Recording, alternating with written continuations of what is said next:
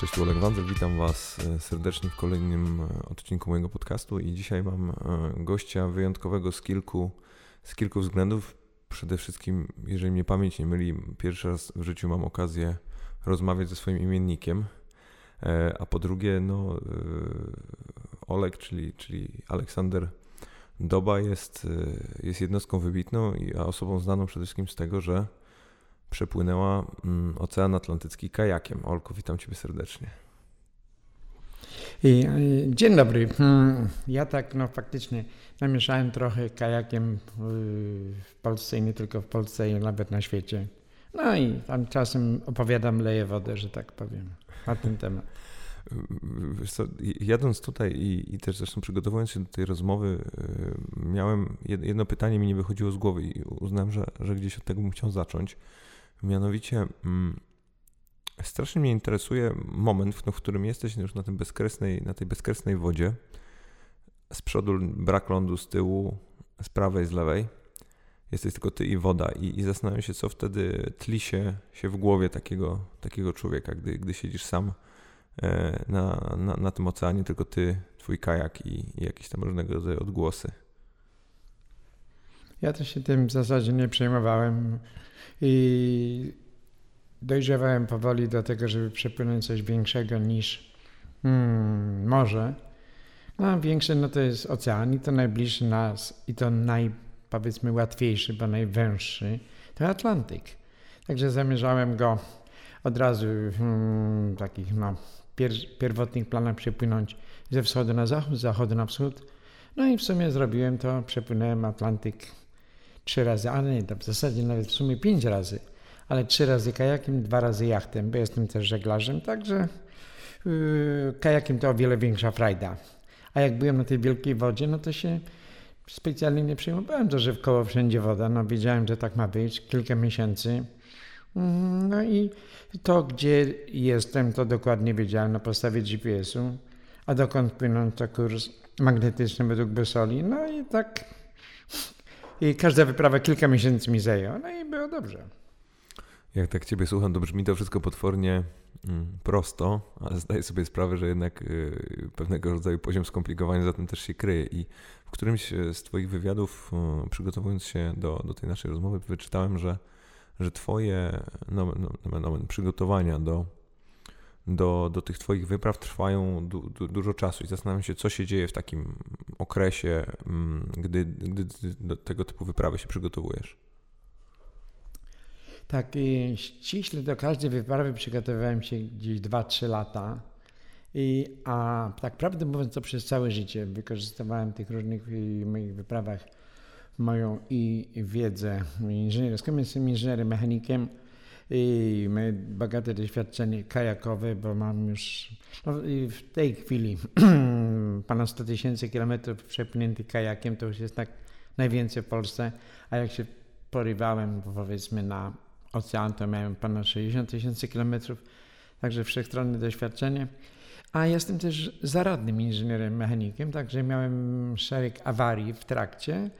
No i ja zawsze staram się znaleźć rozwiązanie. Mając mało materiałów, albo w zasadzie nawet wcale w kajaku, tak trochę narzędzi, ale no, głowę mam, no to myślałem, co tutaj mogę zrobić, korzystając z tego, co mam mm, na pokładzie. No i różne takie hmm, rozwiązania, czy wymyślałem takie rozwiązania i stosowałem.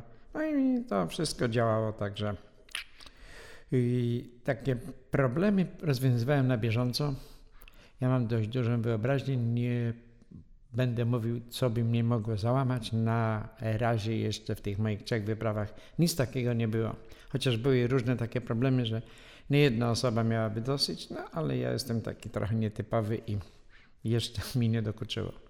A, a gdybyśmy wzięli jakiś ten, ten okres tych powiedzmy dwóch czy trzech lat, to, to ty też masz jakiś, bo, bo jeden aspekt to jest ten inżynierski i i samego przygotowania kajaka, ale drugi też jest, wyobrażam sobie, Twoje przygotowanie zarówno fizyczne, jak i, jak i mentalne na takie podróże i zastanawiam się, czy, czy jest jakiegoś rodzaju um, jakieś, jakieś nie wiem, ćwiczenia, czy, czy jakieś określone rzeczy, które, które podczas takiego dwuletniego okresu Ty również robisz, no żeby, nie wiem, pozostać w formie. Ja siebie określam jako turysta. Hmm, także tam mi różne określenia co do tych moich wypraw y, ludzie stosują, ale ja tak mówię i podkreślam, że jestem turystą, a turysta jako taki to przygotowuje się powiedzmy teoretycznie jak i co zrobić, ale nie, y, nie ćwiczyłem specjalnie, żeby hmm, tak rekreacyjnie. Bo mieszkam w Policach koło Szczecina, tam jest wody, w pobliżu jest dużo, ale ja jako turysta starałem się pływać i pływam po innych, nowych dla mnie akwenach, a nie stale po tym samym, bo to byłaby rekreacja, że płynę na przykład mały staw, czy tam małe jezioro i tam z powrotem no, setki razy. To, to, to, to faktycznie mm, ćwiczenie i rekreacja. Tak, takich rzeczy nie robiłem.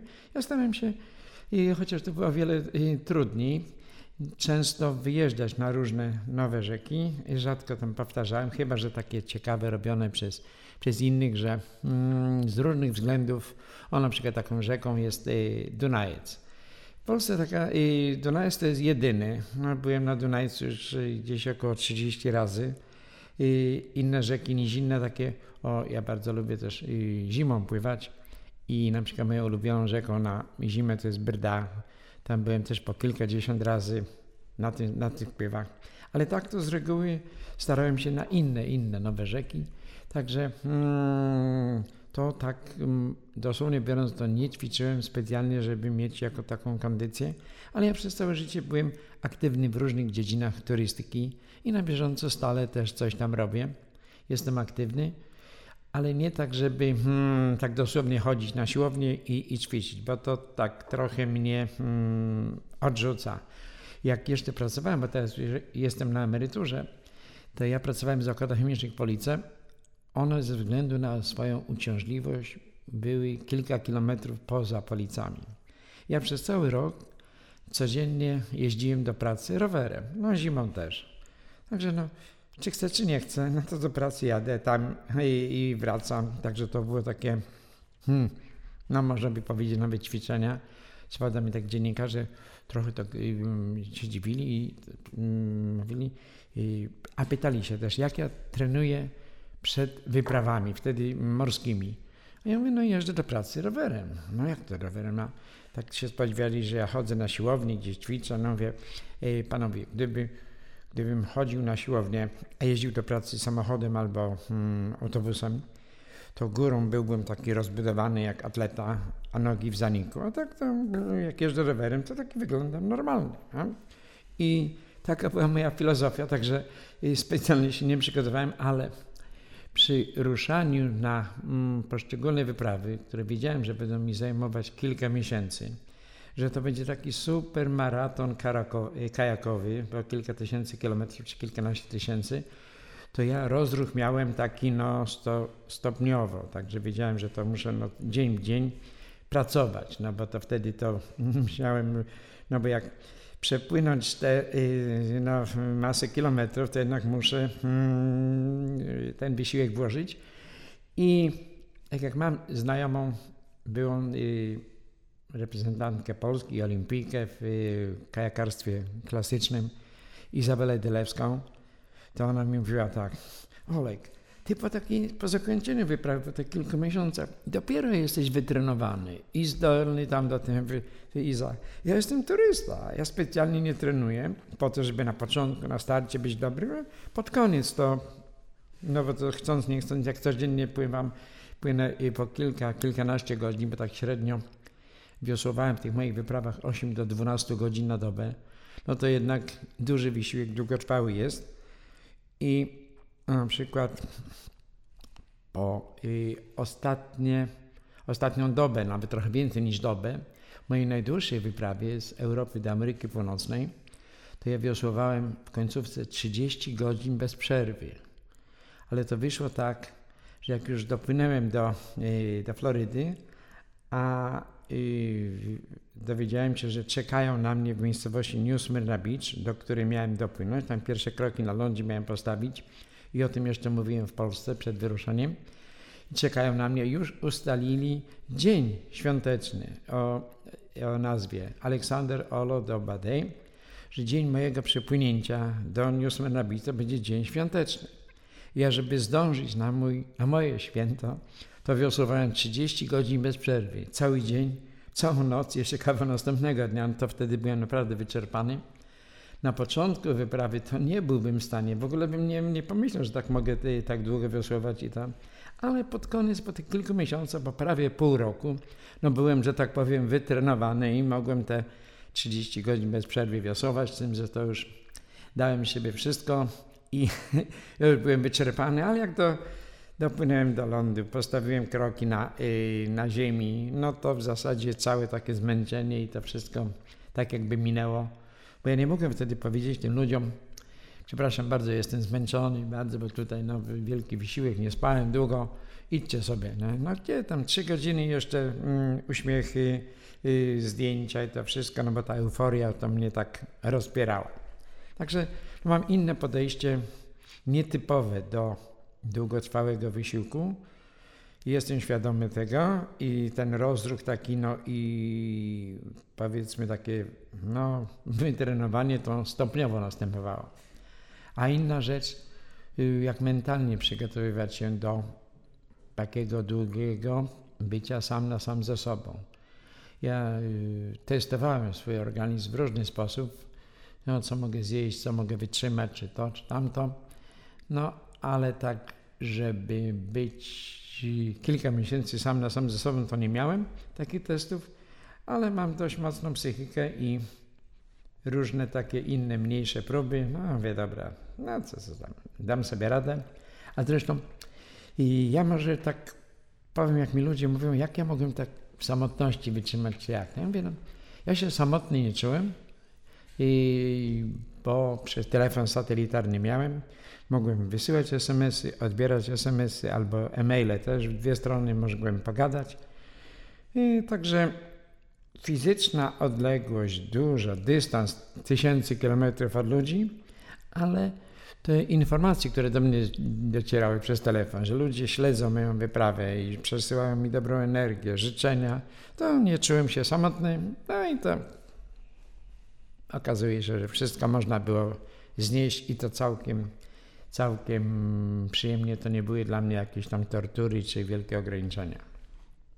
A, a czy podczas takiej podróży, jak mówisz właśnie o tym byciu samym ze sobą, to, to doszedłeś do jakichś takich nieoczywistych wniosków albo do czegoś, co mm, no, czego, czego nie, nie, nie wiedziałeś o sobie albo nie, nie, nie myślałeś w takich kategoriach przed wyprawą czy wyprawami? No ja e, tak będąc długo, no kilka miesięcy sam na sam ze sobą, nie będąc rozproszony różnymi sprawami cywilizacyjnymi, e, gdy nie byłem no takie rzeczywiście e, zmuszony do jakichś szybkich działań i, i, i, związanych tam z myśleniem, tylko tak rutynowo wiosłowałem, bo to przeczytałem 8 do 12 godzin tak na dobę średnio. No jak wiosłuję, no to wtedy miałem czas przemyśleć wszystko i, i swoje życie i to, co było kiedyś. Starałem się wspominać takie przyjemniejsze chwile, no, żeby tak te mniej przyjemne zapominać. Żyłem na bieżąco tym, co staram się informacje dostawać yy, z Polski, co się dzieje w rodzinie, w mieście, w Polsce, nawet na świecie. No bo yy, takie jakieś skąpe informacje dostawałem. A w domu to, no to starałem się też y, na bieżąco śledzić, co jest. No i jakieś plany i działania na bieżąco też y, z domu, a też planowanie przyszłych działań, czy wypraw, czy powiedzmy, mm, jak coś trzeba było, bo jestem tak zaradnym inżynierem, to w domu co zrobić, przerobić, czy tam powiedzmy coś zmienić. Także to, co było, to, co jest na bieżąco i plany na przyszłość. To mm, i wgłębiałem się też w swoją psychikę, bo podobno w Polsce są takie w kilku klasztorach takie możliwości wynajęcia celi na kilka dni. Zostawia się nasze zdobycze cywilizacji, jak tam komputer, czy tam nawet telefon i człowiek ma możliwość bycia sam na sam ze sobą, bez y, zakłóceń z zewnątrz. No i to podobno jest no, coś ciekawego, że się ludzie tak, bo tak normalnie z taka mm, szybkość życia i nerwowość i natłok różnych i, mm, wrażeń, że nie mamy czasu tak wgłębić się w swoją psychikę. A ja miałem czas. No, także przemyślenia były bardzo różne. A jakbyś miał tak, przepraszam, jakbyś miał tak wskazać jedną, jedną cechę swoją, mm, posiadaną bądź, bądź w międzyczasie nabytą, która była takim twoim kluczem do, do tego, że tobie się te, te wyprawy przetrwać udało? I my sami o sobie mm, też czasem mamy różne wyobrażenia. Ja siebie też tak, mm, bo kiedyś za młodu bardzo lubiłem czytać książki i miałem różnych bohaterów takich. Starałem się, mm, powiedzmy, wczuwać w ich rolę, jak ja bym sobie dał radę w tym czy w tamtym, ale tak naprawdę y, wielu różnych takich no, możliwości psychicznych to nie mamy mm, szansy sprawdzenia się. A y, ja tak przekonałem się, że mam mocną psychikę. Pardon. Jak y, po pierwszej wyprawie musiałem zmienić plany, zresztą ja wiele razy musiałem zmieniać plany, być elastyczny, no i płynąłem tym kajakiem oceanicznym po Amazonce. Ponad 3000 km płynąłem. No i miałem tam, dwa razy byłem napadnięty przez bandytów z bronią palną i sieczną. No i to, jak ja wtedy się zachowywałem wśród nimi, jakie negocjacje prowadziłem, będąc pod groźbą właśnie broni, no to mm, sam później tak stwierdziłem, że kurczę blady, co ja robiłem, jak działałem, y, będąc y, w zagrożeniu życia, a potem psychologowie mi mówili, że Panie Aleksandrze, nikt by mi lepiej, lepszej rady nie dał, co mam robić, niż to, co ja wtedy robiłem. A nie byłem na żadnych szkoleniach, jak się zachować, gdy ktoś ci grozi rewolwerem, czy mm, karabinem, czy maczetą. Y, no to. Także postawiłem sobie taką na pewno piątkę z psychologii, czy nawet trochę więcej, że jednak mam mocną psychikę, bo byłem sprawdzony w sytuacji no, dosłownie zagrożenia życia, a ja logicznie myślałem, zachowywałem się no i chciałem osiągnąć to, żebym, no ja mówię, postawiłem sobie, że muszę wyjść z tego żywy. No i no jest dowód taki, bo żyję. A, a, a, coś jeszcze konkretnego zapadło Ci w pamięć z tej wyprawy na, na Amazonkę, bo to jednak wydaje mi się tak, przynajmniej sobie wyobrażam, że, że jest to kompletnie innego rodzaju już podróżowanie czy turystyka, tak jak powiedziałeś, niż, niż wody oceaniczne ale tak dobrze nie zrozumiałem, co, o co Tak, tak, już, już mówię. Co pamiętasz, co pamiętasz z, z, tej wyprawy konkretnie na, na Amazonkę? No bo tak jak mówię, jest to jest rzeka, to prawda ogromna rzeka, ale jednak mimo wszystko rzeka. Nie jest to ocean, kompletnie inaczej. Zakładam, układają się prądy, są, jest też klimat troszeczkę inny. Zastanawiam się, co, co ciebie tam spotkało oprócz no, tego, tych, tych rabunków nieszczęsnych.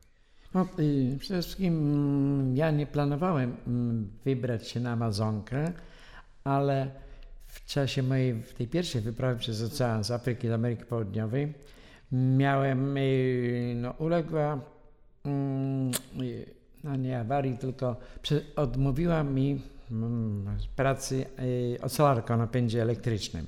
Także przez miesiąc musiałem używać ocelarkę na napędzie ręcznym i zgłosiłem to, że to według mnie to chyba membrana coś tam wysiadła, ale jak przyleciało z Polski dwóch przedstawicieli armatora tego kajaka, zabrali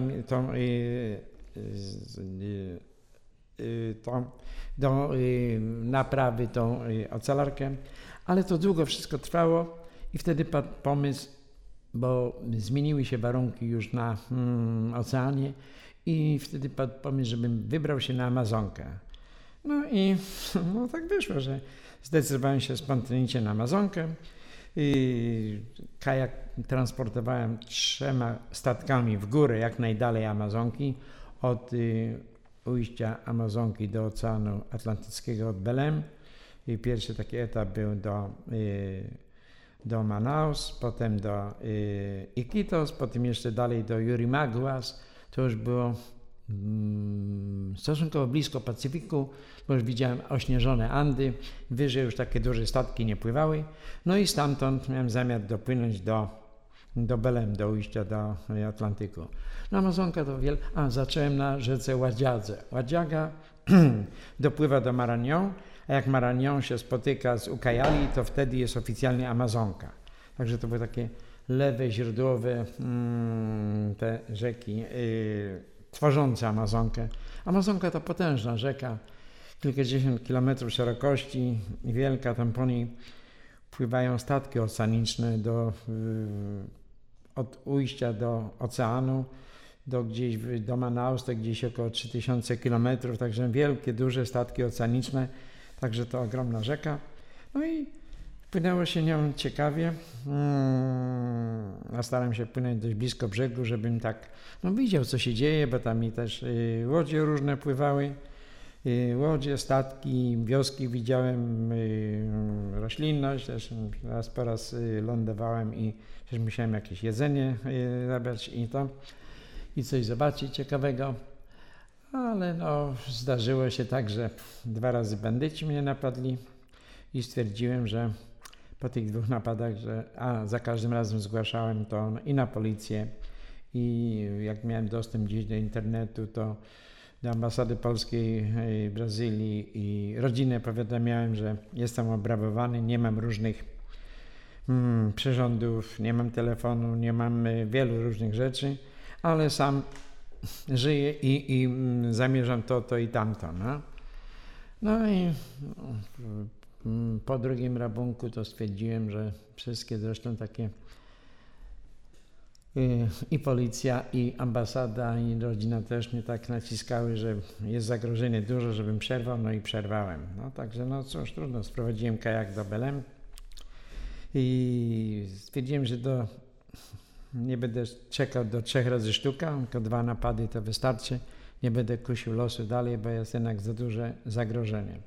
Ten mój kajak był nietypowy, kolor był jaskrawy. To miało być moje bezpieczeństwo na oceanie, żeby mnie statki łatwiej zauważyły, ale to na Amazonce stanowiło zagrożenie, bo byłem takim magnesem.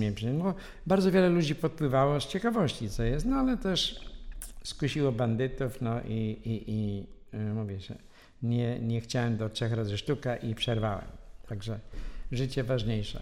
No, no, właśnie, bo mówisz o, o przerwaniu misji, jeżeli można tak powiedzieć, i, i jak, jak się wczytywałem w Twój życiorys, no to ty kilka tych, tych y, wypraw przerywanych miałeś. I, i zastanawiam się też, y, co u Ciebie jest źródłem takiej wytrwałości, jednak tego, że non-stop chciałeś próbować i się gdzieś nie poddawałeś w tym, w tym, w tym dążeniu do tego celu, bo bo, bo jest jednak bardzo wiele jednostek, które no, mogły rzucić to wszystko w cholerę i powiedzieć po co i wracam do, do siebie, będę, będę sobie pływał gdzieś indziej albo w ogóle zajmę się czym, jak, jakimś innym zajęciem.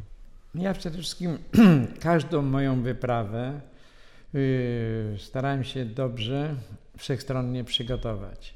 Ja te wyprawy przeżywałem jeszcze przed wyruszeniem, będąc yy, w domu, w Polsce różne aspekty. Ja wyszukiwałem, co może mi, y, co groźnego mogę spotkać na takiej wyprawie, a zwłaszcza najważniejsza to była pierwsza wyprawa. Zresztą w ogóle sama idea czym, i myśl y, przepłynięcia oceanu kajakiem, to, to była y, no, bardzo ważna, no bo oceniałem, czy to można zrobić i, i na jakim kajaku. Bo historycznie biorąc, no, do tej chwili to mogę powiedzieć, że tylko Ocean Atlantycki został przepchnięty przez kajakarzy sześć razy. Dwóch Niemców, jeden Brytyjczyk, a jeden Polak trzy razy. Także przede mną to tylko trzy razy przepłynięty. I też analizowałem, jakimi, y, no powiedzmy, kajakami, chociaż jak pierwszy był y, Niemiec Franz Remer w 1928 roku, to jak y, widziałem y, zdjęcie jego, no to dla mnie to taka łódź mm, z masztem, z żaglem, to prędzej żaglówka. No ale jest oficjalnie liczony, że, że to kajak. Czy to miał żagiel i wiosła jakieś? No tak, bo jest tak, że posługiwał się też wiosłem kajakowym, ale jest tak oficjalne, że to był 1928 rok. Ja tam nie będę kwestionował, jest tak liczone, że to, że to kajak. I, I potem był Niemiec też Hans Lindemann w 1956 roku, i, ale też miał główny napęd żagle, dwa, dwa maszty, no ale to też liczone, że, że kajakiem. I, I oni ze wschodu na zachód, a z zachodu na wschód Brytyjczyk Peter Bright, gdzieś 20 lat temu. O to, już kajak był, no powiedzmy, zbliżony kształtem i, i właściwościami do, do mojego. No a potem, mm, no ja, y, jestem inżynierem mechanikiem, to sobie naszkicowałem, jak ja sobie wyobrażam specjalny dla mnie zbudowany kajak, bo wiedziałem, że żaden istniejący kajak na świecie nie zapewniłby mi tego, bo to jednak kilka miesięcy miało to zająć i chociażby samą żywność, żeby wziąć, no to jak ja tak czasem mam spotkania i w szkołach podstawowych tak próbuję, żeby sobie dzieci tak wyobraziły, jaki to kajak musi być duży. I mówię tak, no wyobraźcie sobie, że tutaj na tej ławce, co jesteście, sobie szykujecie jedzenia nie? na cały dzień. Nie? Na śniadanie, no to tyle, troszeczkę, a na obiad jakbyśmy tak mniej złożyli tu i na cały dzień, no to mamy jakąś małą e, górkę. A jak na tydzień, to 7 razy więcej. No? A jak na miesiąc, zobaczcie ile to miejsca a na kilka miesięcy, no to już wiadomo, że to musi być duże. No? I to, żeby tak do wyobraźni, to a oprócz jedzenia, przecież ja muszę mieć i rzeczy do ubrania na kilka miesięcy i też ile to wytrzymuje różne wyposażenie takie i nawigacyjne i, i dla bezpieczeństwa. Także to wszystko stanowiło to, że kajak musiał być naprawdę duży, no i specjalnie zbudowany. I jeszcze chciałem taki, żeby nie mógł pływać do góry dnem. I taką musiał mieć konstrukcję, że gdyby go fale wywróciły, no i to tak było, że y, do góry dnem, no to wtedy jest równowaga chwiejna, że powinien sam wrócić do pozycji dnem na dół. No to i miał być niezatapialny. No i to tak moje założenia były i to wtedy jak już tak miałem wizję tego kajaka, i mniej więcej czas trwania, to szukałem, kto mi taki kajak zrobi. No i to było to trudne zadanie. No w końcu udało mi się przekonać właściciela stoczni jachtowej w Szczecinie, gdzie buduje, y, to Andrzej Armiński, y, y, buduje jachty oceaniczne. No, po serii długich rozmów, że podjęliśmy się takiego zadania, zaprojektujemy i zbudujemy kajak w celu bezpiecznego przepłynięcia oceanu. To było nasze zadanie, żeby bezpiecznie przepłynąć Ocean Atlantycki. No i mm, ten mój szkic y, trzech młodych projektantów obrabiało przez kilka miesięcy na projekt. Ja też uczestniczyłem w tym. Potem pół roku budowali ten kajak. No, został zwodowany. Ja na próby yy, dwutygodniowej na Jeziorze Domskim i Zalewie Szczecińskim. No, różne rzeczy próbowałem z nim, testowałem. Potem na przerwkę do mm, stoczni i to też kilka miesięcy zajęło, a potem jeszcze no, taka ostateczna próba na Bałtyku przed zapowiadanym sztormem, bo to miałem tak na większych falach popływać. No i wysłany do Afryki już próba bojowa. Także mm, to był taki test. Y, ja tak y, zakładałem, że to będzie test i kajaka, i mnie, bo czy to wszystkie takie założenia to się sprawdzają. I najważniejsze, czy to mi się podoba. Czy to wszystko spełnia moje oczekiwania. I jeśli by mi się spodobało, ja tak zakładałem, no to następny etap. Chciałem tak przepłynąć Ocean Atlantycki ze wschodu na zachód, z zachodu na wschód. I to miały być wszystkie takie etapy między kontynentami jak się by sprawdził między Afryką a Ameryką Południową, to następny etap miał być z Ameryki Południowej do Ameryki Północnej i potem najtrudniejszy etap z Ameryki Północnej do Europy północną trasą, bo wiatry i prądy na Oceanie Atlantyckim kursują tak, hmm, że jak żeglarze kiedyś, zresztą nawet tak klasyczna trasa Kolumba, to jak z Hiszpanii płyną, to na Wyspy Karaibskie, on płynął no, w, w przystanek na Wyspach Kanaryjskich i tak na południe, y, południową stroną do Ameryki Południowej. On w zasadzie Kolumb odkrył Amerykę na Wyspach Karaibskich, na wyspie San Salvador, y, ale to tam Wyspy Karaibskie, a y, potem te prądy i wiatry tak mniej więcej zawijają i z, z zachodu na wschód północną trasą Atlantyku. No, także jak z Ameryki Północnej do Europy, to się płynie północną stroną, a do Ameryki Południową. Ta północna strona jest o wiele trudniejsza, bo wody zimniejsze, częstsze i silniejsze są o wiele sztormy tam. No i ja te takie różne rozeznania miałem. No i tak się przygotowywałem, żeby to zrobić. No i w sumie w różnych, y, nie tak według mojego pierwotnego założenia, bo to musiałem wiele razy zmieniać i być dynamiczne y, te plany, ale przepłynąłem w sumie kajakiem trzy razy ocean. Y, także jak nie dopłynąłem z Ameryki Południowej do Ameryki Północnej, no to dopłynąłem do Ameryki Północnej, ale z Europy, w najszerszym miejscu oceanu. I cały czas przygotowałem się do mojego najtrudniejszego etapu z Ameryki Północnej do Europy. No i zrobiłem to, chociaż mnie wiele osób, zwłaszcza żeglarzy, straszyło i tego, że to jest za trudne na kajak, że mogę zginąć, no ale to szczególnie dobrze się przygotowywałem, rozpatrywałem wszystko, czy, czy to jest na ten kajak i na mnie. No i jak się okazuje, że żyję, kajak wytrzymał, ja wytrzymałem. Także frajda wielka była i, i, i ja tak mówię, że mm, zrealizowałem swój plan przepłynięcia Oceanu Atlantyckiego ze wschodu na zachód, z zachodu na wschód.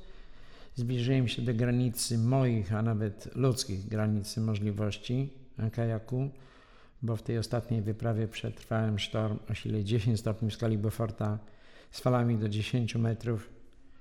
No i powiedziałem, że jak plan zrealizowałem, zbliżyłem się do granicy moich, moich granic możliwości, że więcej wypraw oceanicznych kajakiem nie mam w planie.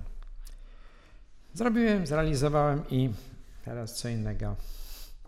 To, to zanim przejdziemy do tego co, co innego, bo, bo tak słucham, słucham tej Twojej opowieści i szczególnie tego aspektu inżynierskiego i, e, i tego, tego momentu tworzenia tego, tego kajaka. I, i, I, powiem szczerze, niesamowicie się, się słucha tego, bo, bo obok no słów, które wypowiadasz, też widzę, że, że no za, za nimi stało bardzo wiele analiz, y, modeli, różnego rodzaju innych, innej takiej pracy, pracy wyliczeniowej czy, czy koncepcyjnej. I, i tak sobie myślę, że, że jako, no właśnie, że jesteś inżynierem, mechanikiem, to, to takie wyzwanie, jakie sobie rzuciłeś, to też chyba było w pewnym sensie, albo jest zwieńczeniem twojej Twojej kariery i spełnieniem jakiegoś takiego też inżynierskiego marzenia czy planu, nie? Znaczy, jako inżynier to y, ja mm, pracowałem też w biurze projektów Zakładu Chemicznych Police. No to jest, to jest praca twórcza, no bo jak mam coś, coś zrobić, zaprojektować i nie ma takiego czegoś, albo zmienić, bo coś jest y, całkiem nie, nie spisuje się i wymyślę się coś innego, nowego. Wiem, że jak coś wymyśleć, nowego jest trudno. To tam w zasadzie, hmm, coś powstało ciekawego, to ja, ja czasem jak y, wymyśliłem, zrobiłem i wyda, dałem na, do zrobienia na warsztat, to w trakcie wykonywania na, mówię, nie, to ma być trochę inaczej, lepiej, bo to nasze wyobrażenie i taka pierwsza wizja, to zresztą to mogę powiedzieć, jak sam nie projektowałem samochodów, ale jak się produkuje samochód yy, i to się wymyśla, a potem się robi różne wersje, poprawia się, bo trudno wymyślić coś od razu idealnego i dlatego to szereg prób i błędów i dochodzi się do tego, że powstaje coś dobrego. Podobnie z tym kajakiem, jak został wymyślony, zrobiony, to potem szereg mm, mm, i w próbach, i w tych moich wyprawach. Ja za każdym razem, jak kończyłem wyprawę, to miałem taką listę kilkadziesiąt spraw do przerobienia w tym kajaku. I to nie na zasadzie, że no powiedzmy tak, to jest tak i tak rozwiązane i nie tam wymyślcie coś, tylko już dokładne rozwiązania. To powinno być tak i tak zrobione, tak i tak. No, także ja tak co mogłem to na bieżąco przerabiałem, albo miałem listę do przerobienia w stoczni. No to tak No, do ideału temu kajakowi jeszcze daleko, ale to sprawdził się. Mm, to, co chciałem zrobić, to zrobiłem. No i teraz może się nadawać do oglądania i, i, i, i tego. Mm, prezentuję go czasem gdzieś na takim y, publicznym. No i tyle. Ciekawa sprawa. Mm, polska myśl, polskie wykonanie i też byłem dumny, że jako Polak mogłem przepłynąć ocean w jednym miejscu, w drugim miejscu i takie trudne zadanie jak się zrobi, no to jest jednak wielka frajda. Mówisz, że, że nie planujesz kolejnych oceanicznych wypraw i, i nasz zbrodnią byłoby nie zapytać, to w takim razie to planujesz, bo wierzę jednak w to, że gdy już ktoś raz tym podróżnikiem został, to, to, to z tego człowieka tak prosto nie wychodzi, więc co, co, co teraz? No ja tak po tym mojej drugiej wyprawie przez najszersze miejsce oceanu zyskałem tytuł Traveler of the Year, czyli tak najlepszy podróżnik świata w danym roku. No to jest jednak wielka frajda. Według y, National I, Geographic, prawda? Tak, National Geographic, tak. I, i hmm, frajda jest, ale y, teraz aktualnie to przygotowuję się do wyprawy mm, samochodami, bo to jeszcze z pięcioma kolegami, samochodami i tytuł wyprawy jest taki. Prawda, powiem, że to nie, nie ja wymyśliłem taki długi, ale, ale taki jest. I ekspedycja syberyjska Magadan 2019, Syberia polskim śladem. I mamy teraz problemy, bo mieliśmy ruszyć 9 maja i to już trochę minęło. Przesuwamy ten start tak o no, około miesiąc, także koniec maja czy początek czerwca, a my z Poznania dwoma samochodami wyruszyć terenowymi do Magadanu, to jest nad Morzem Ochockim, to jest rejon Pacyfiku już, a wrócić no, z powrotem do Poznania troszkę inną trasą, bardziej na południe. No wyprawa na 3-4 miesiące, około 30 tysięcy kilometrów, to śladem Polaków, którzy w różny sposób znaleźli się na Syberii, najczęściej przymusowo, ale y, szerzyli tam cywilizację, wiele różnych mm, naukowych y, mm, prac y, robili, a część Polonii mieszka tam. No są takie skupiska Polonii, mamy mm, adresy, kontakty i mamy zamiar odwiedzić właśnie Polonię, odwiedzać. W planie mamy około 30 wystaw o współczesnej Polsce, żeby tak kaganek, kaganek oświaty mm, o y, ojczyźnie y, tam zawieść. Różne takie drobiazgi do szkół czy do tych społeczności Polaków, jak książki, czy powiedzmy jakieś drobne pomocy mm, do, dla dzieci do szkół. Także mm, a potem aby, mamy zamiar też nakręcić y, i film e, z tych naszych e, podróży być ciekawy, bo to w różnych ciekawych miejscach. No i szereg zdjęć, także tu będziemy po powrocie mm, propagować wiedzę, jak naszym rodakom żyje się tam na wschodzie dalekim. No bardzo ciekawe, co mówisz, bo, bo jak, jak sobie przypominam, to oprócz e, Twojego żeglowania na różnych sprzętach od od łódek e, przez, przez kajaki, no to ty jeszcze e, jesteś wielkim amatorem szybownictwa, skakałeś ze spadochronem, tak? A teraz jeszcze, a teraz jeszcze będziesz przemierzał świat samochodem terenowym zastanawiam się, czy, czy jest jakiś rodzaj środek transportu, który, którego nie lubisz. No to szybownikiem to byłem. Hmm, niestety z różnych względów musiałem tak y, y, się rozstać szybo, y, z szybownictwem.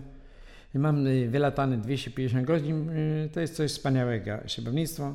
A skoki spadochrenowe, no to tak przy okazji trochę chciałem zobaczyć, jak to jest mm, skoczyć sobie ze spadochronem. Zdobyłem y, trzecią klasę skoczka spadochronowego, ale mam tylko 14 skoków, takich różnych. No, ja lubiłem i lubię robić różne, rzeczy. No, na przykład w zeszłym roku byłem na kursie paralotniarskim w Szczyrku no to jest coś innego, no to jest zbliżone do skoków spadochronowych, czy tam, no, no inne. Staram się różne rzeczy robić. Ta ciekawość świata mnie napędza, świata y, takiego zewnętrznego i wewnętrznego też i swoja aktywność, no jak jest coś ciekawego, no chociażby no taki skok na bandzi, czy tam, tam inne takie, no, no różne. Lubię mm, czuć adrenalinę. A jedną z takich moich ciekawych rzeczy, no bo mm, turystyka kajakowa jest moją pasją. Ja to jestem taki, no mogę powiedzieć, że wszechstronnym kajakarzem, bo i lubię po tak zwanej białej wodzie, whitewater pływać, no, yy, że i progi, uskoki, wodospady, tam jakieś lekkie małe. No i rzeki, bo najfajniejsze są rzeki, dzikie polskie, takie nieuregulowane. No i po morzach, nawet po oceanie, co prawda lepiej to po morzach, bo jak płynąłem przez ocean, to ten kajak wielki, ciężki, sam kajak ważył 200, mm, 340 kg, a z wyposażeniem, z jedzeniem to 600-700 kg. To i jako kajakarz to nie miałem żadnej frajdy takim wielkim, ciężkim takim no, sprzętem się poruszać. Bo już kajakiem morskim to już co innego, bo to długi, wąski, jak bałk tylko pływałem, czy moja najwspanialsza wyprawa kajakowa to kajakiem z około Podbiegunowe Północne. Z Polic, tam gdzie mieszkam, dopłynąłem do Norwiku. O, to była wyprawa, kurczę, super, bo prawie na 102, bo 101 dni mi zajęła, 5369 kilometrów i oglądanie tych i fiordów, gór, i wysokości gdzieś około kilometra z poziomu morza. No, coś wspaniałego. A, a, to była najwspanialsza wyprawa. A trafiłeś na jakąś zorzę? A tak, tak, bo ja dopłynąłem do Norwiku 6 października 2000, 2000 roku. No i pod koniec tak y, września, październik, no to kilka razy widziałem zorze i to y, tak długo, także czasem kilka godzin, że ze znużenia nie mogłem. A kiedyś miałem takie zdarzenie, że tak, w namiocie się obudziłem, a tak zacząłem się szykować, bo już jasno tego, no. I no tak jakoś dziwnie no, wypoczęty, ale odsuwam namiot, a to nie dzień, tylko to zorza taka jasna była. I pogapiłem się, pogapiłem, przecież dopiero druga w nocy, nie? A jasno było tak, no, no coś wspaniałego taka zorza, jak ktoś ma szansę, tylko że to w zimnych porach roku i im dalej na północ, to tym łatwiej można ją zauważyć. A, jakbyś sobie przypomniał te wszystkie swoje wyprawy, mniejsze i większe, to, to, to przychodzi ci na myśl jakaś taka najbardziej absurdalna historia, w której tak naprawdę do dziś jest ci ją trudno wytłumaczyć? Hmm. Ja y, w tej mojej drugiej, najdłuższej wyprawie, która prawie pół roku trwała, wpłynąłem w Trójkąt Bermudzki. tam zdarzały się tajemnicze zaginięcia statków, samolotów. Znalazłeś A ja tam się pamiętałem 40 dób. Byłem w takiej pułapce wiatrowej. Nie mogłem się tam wyrwać. Ja tam nie traktowałem, że to jest coś tajemniczego, tylko że nietypowo długo wiejące wiatry z kierunku w który miałem płynąć, a przeciwne wiatry miałem. No potem na Bermudach to potwierdzałem, bo mówili, że tak, takich długotrwałych wiatrów dawno nie było akurat z tego niekorzystnego dla mnie kierunku. No i w końcu coś nie wytrzymało. O 40 dób się pamiętać. W jednym miejscu praktycznie, no, no nie dosłownie, ale tak małym, na małym obszarze.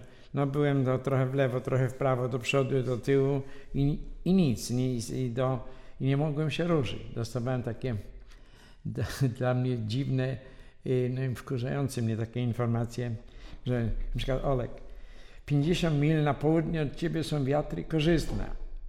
A co ja mam zrobić? Jak to przeskoczyć te 50 mil? Nie daję rady. No? Albo taka inna, że Olek będzie yy, flauta. Flauta to tak, że prawie wiatru nie ma, albo jest bardzo słaby. Yy, Olek, dwa dni flauty, wykorzystaj to, bo jak ja mam to wykorzystać? I flauta i wtedy, wtedy był taki hmm, bezruch w powietrzu, no bo to wiatru nie ma prawie wcale, cisza, y, spokój, ocean prawie gładki, ale upał. Upał taki, że jak my mamy w Polsce czasem w ciągu lata, no zdarzają się takie dni, kilka dni upału. A tam jeszcze gorszy upał był. Taki upał, że nic, ledwo się mm, żyje, nic nie robiąc.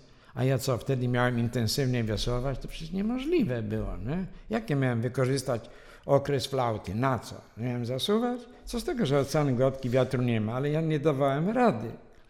Chociaż jak miałem pierwsze okresy flauty, chyba to w pierwszej wyprawie, no to też ta świadomość, że ogromny dystans do przepłynięcia.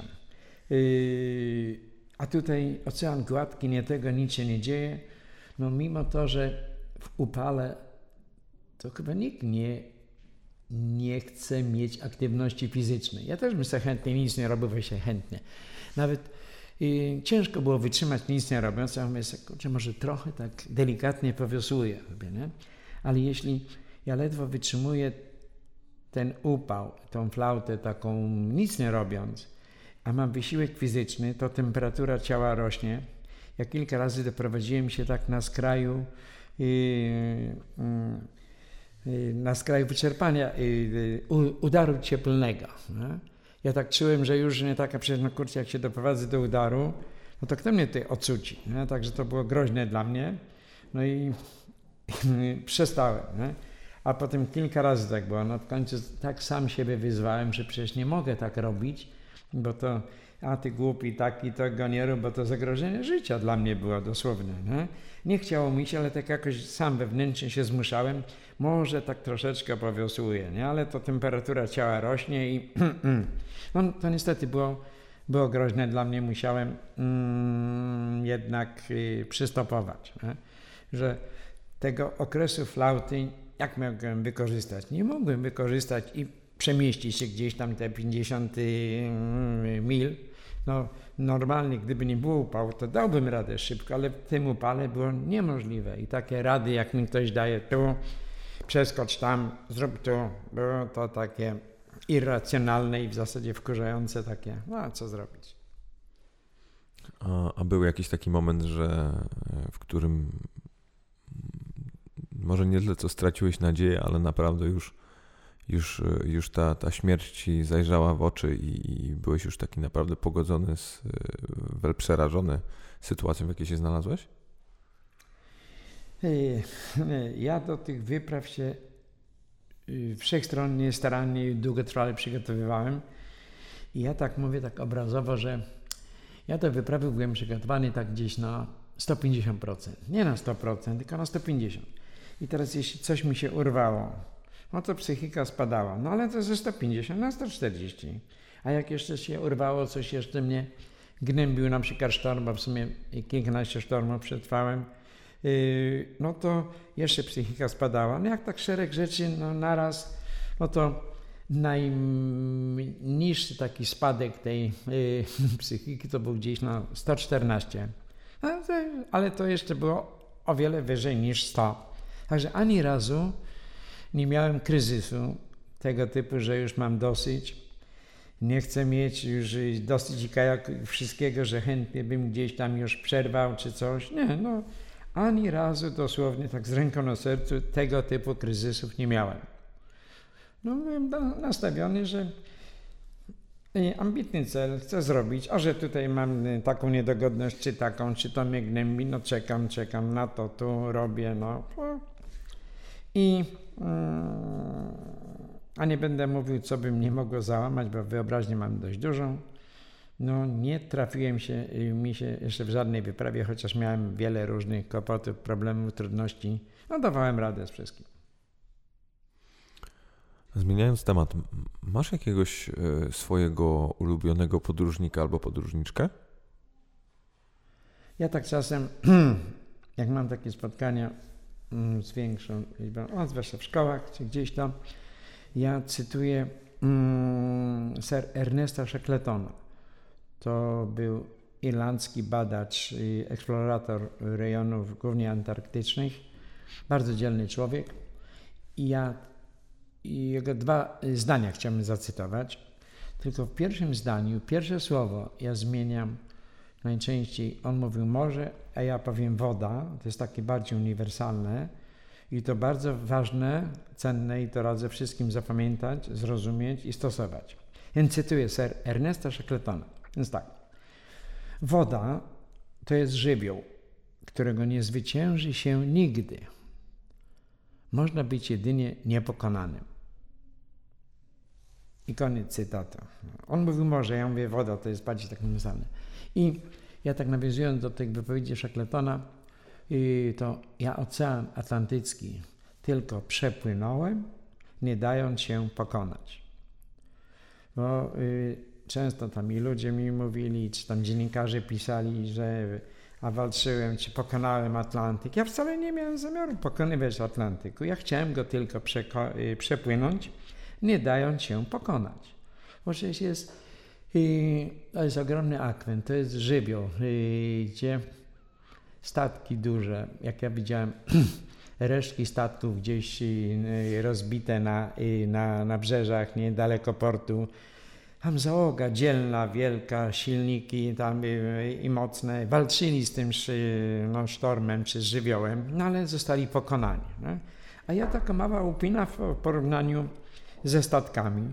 Ja nie mogłem walczyć z tym żywiołem, tylko ja się musiałem poddać i, i przetrwać to i nie da cię pokonać. To, to była no, inna filozofia, bo nie mogę, za słaby jestem. No? To znałem, mm, to starałem się rozeznać przed wyruszeniem na ocean. O, jak ja do tej pierwszej mojej wyprawy przez ocean się przygotowałem szczególnie starannie, bo w ogóle sama myśl, czy to mogę i jak to zrobić. Ja mieszkam w Policach koło Szczecina i w Akademii Morskiej y, w Szczecinie do biblioteki chodziłem z różną literaturą się zapoznawałem, a z wieloma żeglarzami w Szczecinie rozmawiałem i to tak, no po prostu. Ty słuchaj, nie byłem na oceanie jeszcze, a chcę przepłynąć kajakiem, nie? Jak wyglądają te fale, jak to w sztormie wygląda, nie? Stat- te jachty się przewracają, łamią, łamią się maszty. Jak taka fala wygląda w sztormie, nie? Jak ja mam się przygotować? Mm, jeśli nie byłem, nie widziałem, to chcę y, tę informację od ludzi, którzy byli i widzieli. No, no i wspólnie z Andrzejem Armińskim, y, w którego stopniu ten kajak został y, zbudowany, on sam opłynął jachtem świat dookoła. No i te informacje, jak te fale wyglądają, co jest groźne, no to potrafiliśmy przewidzieć, zrobić i po to, żeby to było bezpieczne przepłynięcie oceanu. No i się okazuje, że te nasze mm, rozważania, przewidywania i wykonanie było na tyle dobre, no, że przetrwałem. Także dobre, wszechstronne przygotowanie, rozeznanie tego, co może być, no to okazuje się, że można zrobić coś, co się wydaje niemożliwe. Ale musi być i ja to mówię przede wszystkim starannie, dobrze, wszechstronnie przygotowane. Bardzo Ci dziękuję za ten cytat, bo faktycznie e, ma, ma co najmniej drugie bądź, bądź i trzecie dno i, i niekoniecznie jest tylko aplikowany do, do morza, bo, bo też jak, jak tak Ciebie słucham i tej, i tej, i tej historii o właśnie o w pewnym sensie poddaniu się temu żywiołowi, to nie, da się wyzbyć wrażenia, że masz ogromny szacunek do, Mm, do oceanu i, i ogólnie do, do żywiołu, jakim jest woda i zastanawiam się, skąd on też się wziął u Ciebie. I no to tak, jest sprawa taka, że należy czerpać mm, z doświadczenia innych, wyciągać wnioski i, mm, i mieć tą pokorę wobec żywiołu, tak jak ja powiedziałem o tym żywioł. Bo woda to jest żywioł. I jak y, mamy respekt co do żywiołu, przygotowujemy się, nie lekceważymy, y, no to mamy radość y, mm, z, z, z korzystania z tego żywiołu w, w różny sposób, czy pływamy w pław, czy na jakimkolwiek sprzęcie pływającym, ale zawsze ten respekt i to, że nasze życie można bardzo łatwo stracić. Ale nic nie mamy cenniejszego od życia i dlatego ja wszystkim radzę, żebyśmy podchodzili z respektem do żywiołu, jaki jest woda, ale życzę wszystkim frajdy i radości z czerpania, mm, z korzystania z tego żywiołu i mieć frajdę, że robimy coś ciekawego, ale oczywiście żyjemy. To, to jakbyśmy mieli tak e, podsumować tę naszą rozmowę i, i, tak w jakimś stopniu na nią spojrzeć trochę troszeczkę szerzej, to y, co byś, co byś chciał tak y, przekazać mi i, i słuchaczom na, na sam koniec? Hmm, ja tak pytany kiedyś o, hmm, o marzenia. No jednym z moich marzeń takich bardzo fajnych i, i wielkich jest to, żeby hmm, Polacy, rodacy moi znali osiągnięcia naszych y, no, y, Polaków, rodaków i byli z tego dumni. No bo my jesteśmy dzielnym narodem i w skali świata dokonaliśmy wiele różnych ciekawych rzeczy, ale o wielu. Ja widziałem taki film o osiągnięciach Polaków. Ja siebie uważam za hmm, dość i, i roz, no, obeznanego i tak powiedzmy. Hmm, no i za, no zaraz, nie, za jakiego? Taki, że, hmm, że y, znam osiągnięcia rodaków, ale się okazuje, że wiele tych osiągnięć w skali światowej, bo ja byłem tego nieświadomy. I chciałbym, żeby wszyscy wiedzieli, co nasi e, rodacy zrobili, byli dumni z tego i sami bierzemy sprawy w swoje ręce, bo naprawdę jesteśmy dzielnym narodem potrafimy wiele zrobić, działać. No i tyle. Bierzemy wzorce i to nie tylko z rodaków, ale z wielu innych i bądźmy, wykorzystujmy swoje różne możliwości, bo naprawdę jesteśmy, mm, potrafimy zrobić i to Polki i Polacy. Także ja, ja tylko wspomnę o dwóch o, i dwojga Polakach no, w skali światowej. Maria Skłodowska-Curie i Mikołaj Kopernik. No, także to no świetni nasi rodacy, z nich jesteśmy dumni, ale nie tylko z nich, bardzo wiele innych. Stanowczo jest do kogo aspirować. To, to muszę Ci przyznać, że stanowczo jestem dumny, że, że, że, że, że również jestem Twoim rodakiem i, i pięknie Ci dziękuję, że, że udało nam się dzisiaj porozmawiać. Dziękuję bardzo i życzę wszystkim. Róbcie, róbcie swoje i bądźcie dumni z tego, co zrobicie.